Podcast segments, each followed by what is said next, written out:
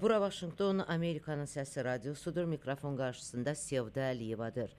Həm söhbətim hüquq müdafiəçisi Mirvari Qəhrəmanlıdır. Azərbaycan prezidenti dəfələrlə məmur uşaqlarının davranışı ilə bağlı xəbərdarlıqlar verib, amma son günlər yenə də ə, bəzi ə, özbaşınalıqları müşahidə etdik. Buna münasibətiniz nədir? Düzdür. Birinci ildir, əvvələ bir 2-3 ildir ki, bu barədə vaxtaşırı olaraq ölkə başçısı öz mesajını göndərir Harun məmur övladları ilə əlaqədar. Lakin bu mesaj yerini tapmır. Yerini tapır nə barədə? Məmur övladı evində tərbiyə aldığı valideyninin cəzasız qaldığını, etdiyi hərəkətlərə görə cəzasız qaldığını, vəzifəsindən kənarlaşdırılmadığını görür və atasına oxşar hərəkətlərinidir. Ölkə başçısı deyir, mesaj verir, amma dediyi söz yerinə yetirilmir. Yəni ki, bu vaxta kimi heç bir məmur övladının etdiyi harınlığa görə nə məmurun özü, nə övladı cəzalanmayıb. Evlad öz harınlığında məmur da öz işinin başındadır. Bax, nəticədə belə olur. Sovet dövründən fərqli olaraq indi ə, e, heç kim heç kimə ə, e, cavabdeh deyil belə ə, e, götürsək qanuni baxımdan. Nəyə görə ə, Azərbaycanda siyasi fəallara qarşı ittihamlar irəli sürülür, ağır cəzalar verilir? Nəyə görə bu ə, insanlar, bu məmur evladları məsuliyyətə cəlb olunmur? Onlar Həsən ağanın qohumlarıdır. Xatırlayın, belə bir hekayə var idi. Sovet vaxtı Onda da deyirdilər ki, evlad ataya, ata evlada görə heç bir cavabdehlik daşımır. O vaxt da var idi. Amma o vaxt bilirdi, amma ciddi cəzalanırdı. Heç vaxt məmur oğlu o vaxt belə harınlıq eləməzdi.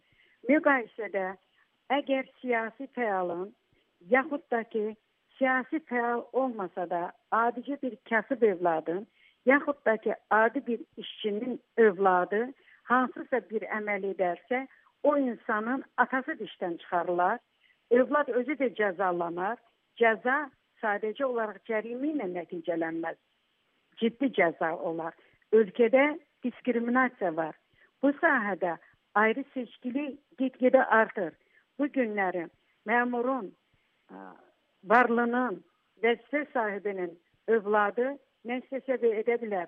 Maşınla adam vurub öldürə bilər, küçədə xuliqanlıq edə bilər, istəsə kimisə yaralaya bilər, yaxud da öldürə də bilər. Sadəcə məhkəməsi də olacaq adam, amma sonradan onun taleyi ilə nə maraqlanan yoxdur ki, həmin adam haqqında cəza götürüldü yoxsa yox. Və həmin övladın atası da vəzifədə qalır. Diskriminasiya o qədər nəzər diqqətə çarpır ki, artıq insanlarda buna qarşı bir allergiya yaranıb və özünüz də görürsünüz ki, bu cəzasızlıq sindromu cinayətin inkişaf etməsinə səbəb olur. Məhz bu diskriminasiya əhalidə məmura, onun övladına qarşı nifrət oyadır. Mirvari xanım, bu son günlər yəqin siz də görmüş olarsınız. Bu tuneli bağlayıb şampan ə, e, açıb içirdilər. Ə, e, böyük bir tıxaca səbəb olmuşdu. Ə, e, bunun ə, bu hadisə ilə bağlı hər hansısa bir ə, araşdırma oldumu, buna bir cavab verən oldumu? olmayacaq da. Özünüz göz, ə, e, bildiniz ki, ə, e, rəsmi şəxs, vəzifəli şəxs ə, e, soyadı yadımdan çıxdı. Vaqif müəllim səhv eləmirəmsə açıqlama verdi. Həm mətbuatda və mətbuatda da sosial şəbəkələrdə də yayıldı ki, bu deyəsən köhnə kadrdır. Və əslində bunu izləmək də çox asan idi və bilmək də asan idi. Sadəcə bu məsələlər bilinir kimlər törədir, kimlər tərəfindən e, bu tunel bağlanıb və yəqin ki, bunların hansısa bir vəzifəli insanın övladları olduğu üçün yaxud da ki, hansısa bir vəzifəlinin övladının toyu imiş ki, bu ə, insanlar cəzasız qaldı. Əgər hansısa bir sadə bir vətəndaş yaxud da onun övladı tuneldə heç olmasa bir 3 dəqiqəlik ə, hərəkəti saxlasaydı, o adam cəzalanırdı. Bu insanlara mənəvi qarşı işgəncə olub, tuneldə hərəkətin saxlanılması, tunelin ə, ə, tuneldə boşadlığın keçirilməsi və probkanın yaranması, bəlkə orada ağır xəstə olub, bəlkə kimsə ə, xəstəxanaya çatdırılası bir insan olub. Həmişə də olduğu kimi bu hətta araşdırılmadı. Səsi də çıxarılmadı ki, orada kimə ziyan dəyib? Kim mənə işgəncə verib? Kimin həyatına nəsə bir ə, xoşa gəlməz hadisə olub? Tək məmur övladı sevinsin. Hətta mən ə, öz ə, Facebook səhifəmdə də yazdım və sosial şəbəkədə də yaydım ki, biz sevinək ki, yaxşı ki, məmur övladı metro tunelində oynamaq istəmir. Yaxud da ki, minik koridoruna təyyarədə ə, o şənlənmək istəmir, istəyir, ə, istəmir. Yoxsa bizim ə, ixtiyarımız nə idi ki, ona etiraz bildirəm. Bu ölkədə bir lozunq var. Məmur və məmur övladı cəzasız qalmalıdır. Və bu cəzasızlıqda inkişaf eləməyi har aparıb çıxardacaq bu dövləti bilmirəm. Mirvari xanım, e, bu sürücülük vəsiqəsi olmadan maşın idarə etmək, siz qeyd etdiyiniz kimi qəza şəraiti e, şəraiti yaratmaq kimi halların qarşısı necə alınmalıdır? Sadəcə olaraq qanun işləməlidir ölkədə.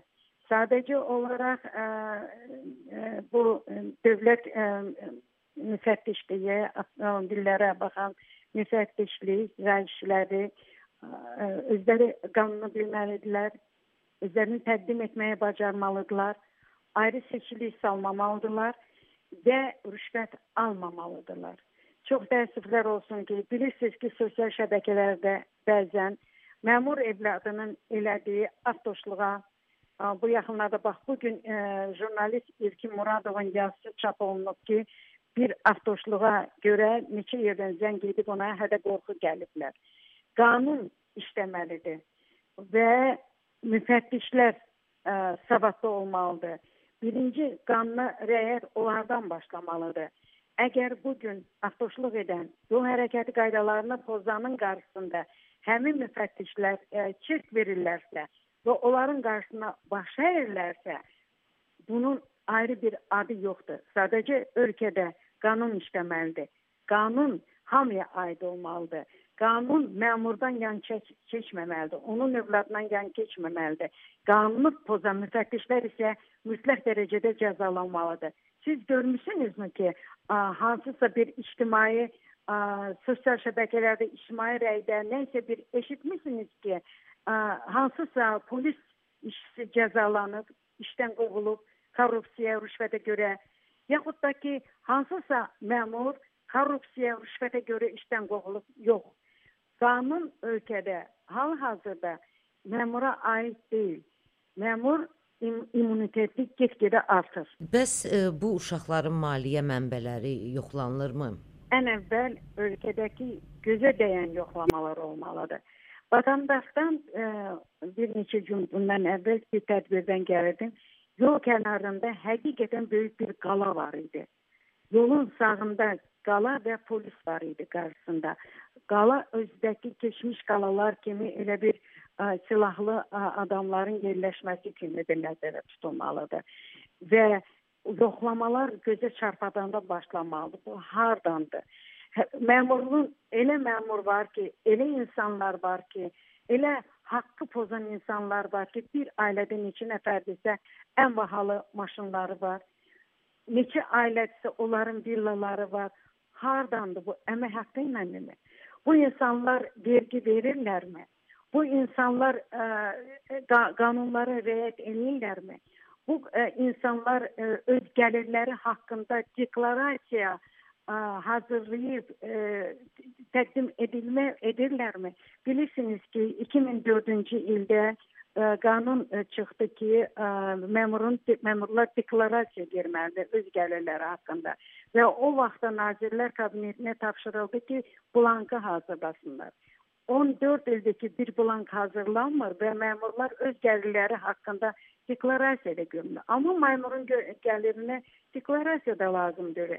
Məmurun gəliri onun villalarıdır. Məmurun gəliri gə, ə, e, deklarasiyası onun harın evladlarıdır. Məmurun deklarasiyası harın evladların sürdüyü çox bahalı maşınlardır. Və bu deklarasiyalar hansı ki saydığım deklarasiyalar barədə e, heç ictimaiyyətə açıqlanma getmir. bu haqda heç bir cəza tətbiq olunmur ki, hardandır bunlar? Oğurluqdurmu? Ədalətli yolla, şəffaf yolla qazançdırmı? Və nə qədər ki, bu dediyim deklarasiyalar haqqında cəmiyyətə aydınlıq gətirilməyib, bu ölkədə heç kim heç kimin kitabını oxumayacaq və bu ölkəni iqtisadi cəhətdən zəiflədəcək. Ölkə imicinə ciddi ziyan vuracaq. Mən bir haşiyə cızım ki, qabaqlar ölkədə müstəqil vətəndaş cəmiyyətinin olduğu vaxt bilirsiniz ki, 2014-cü ildən sonra ölkədə demək olar ki, barmaqca sayılan müstəqil QHD-lər qalıb. Monitorinqlər aparılırdı, hesabatlar hazırlanırdı və cəmiyyətə müstəqil qəzetlərdə bu haqda yazılar gedirdi. Yəni o məmura, o villa hardandır, izahatlar gedirdi. İndi o da yoxdur və heç kim o haqda düşünmürdü və prezidentin ölkə başçısına vaxtaşırı məmurlara göndərdiyi mesajlar elə həmin keçirilən iclasların protokolundan qalır və həmin hətta prezident mesajlarını, prezident tapşırıqlarını yerinə yetirməyən bəzi harın məmurların nə dərəcədə qorxusuz olduğunu cəmiyyət artıq hiss etməyə başlayır və cəmiyyətdə çoxlu suallar dolanır. Niyə? Bax bu niyə cəmiyyət ə, e, cavab ala bilmir ki?